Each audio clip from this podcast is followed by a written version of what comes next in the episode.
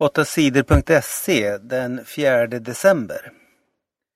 Regeringen får skäll för den dåliga skolan. Svenska skolbarn blir allt sämre jämfört med elever i andra länder.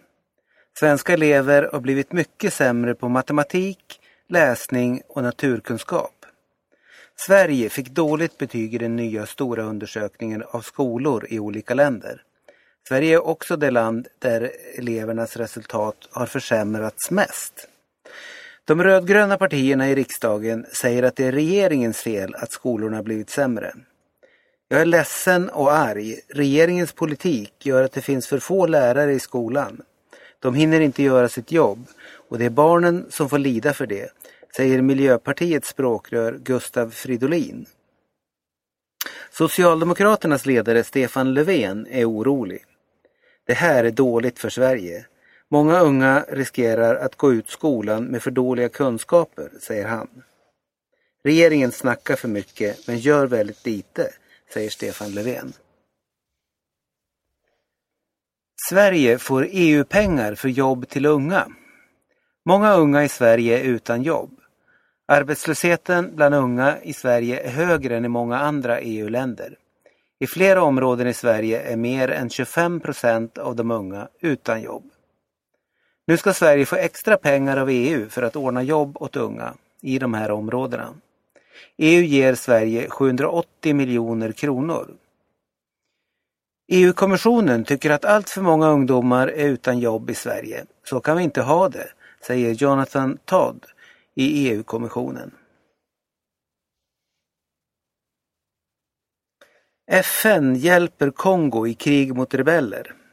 Kongos regering behöver hjälp i kriget mot olika rebellgrupper.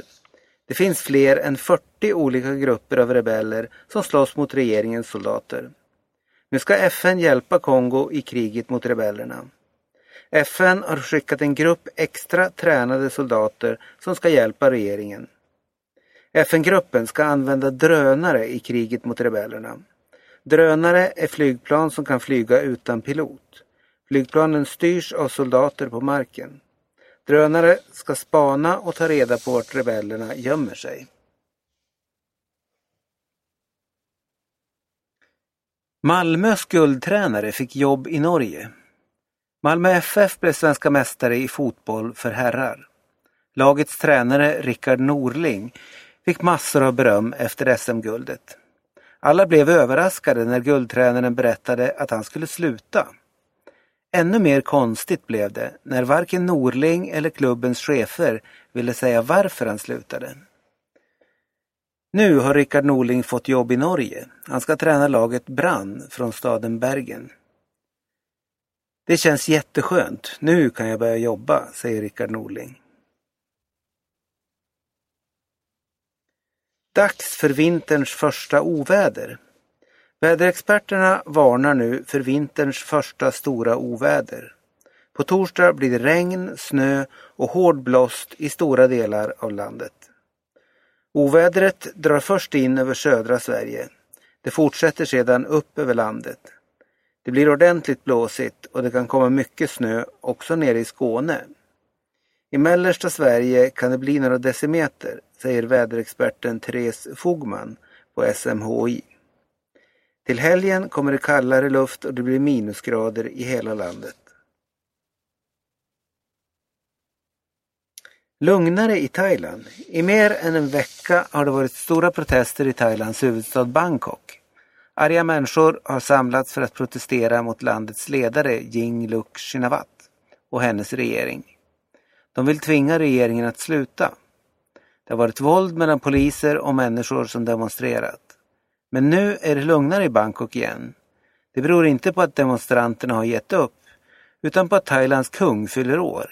Inga thailändare vill att det ska vara bråk på gatorna när kungen fyller år på torsdag den 5 december. Protesterna kommer troligen att börja igen till helgen. 12 dödades i Centralafrikanska republiken. Minst 12 människor dödades i en attack mot en by i landet Centralafrikanska republiken. Det var en grupp kristna soldater som anföll folk i ett muslimskt område. Fler än 30 människor skadades i anfallet. Många av de skadade är barn. Förenta Nationerna varnar nu för att bråken mellan kristna och muslimer kan bli värre.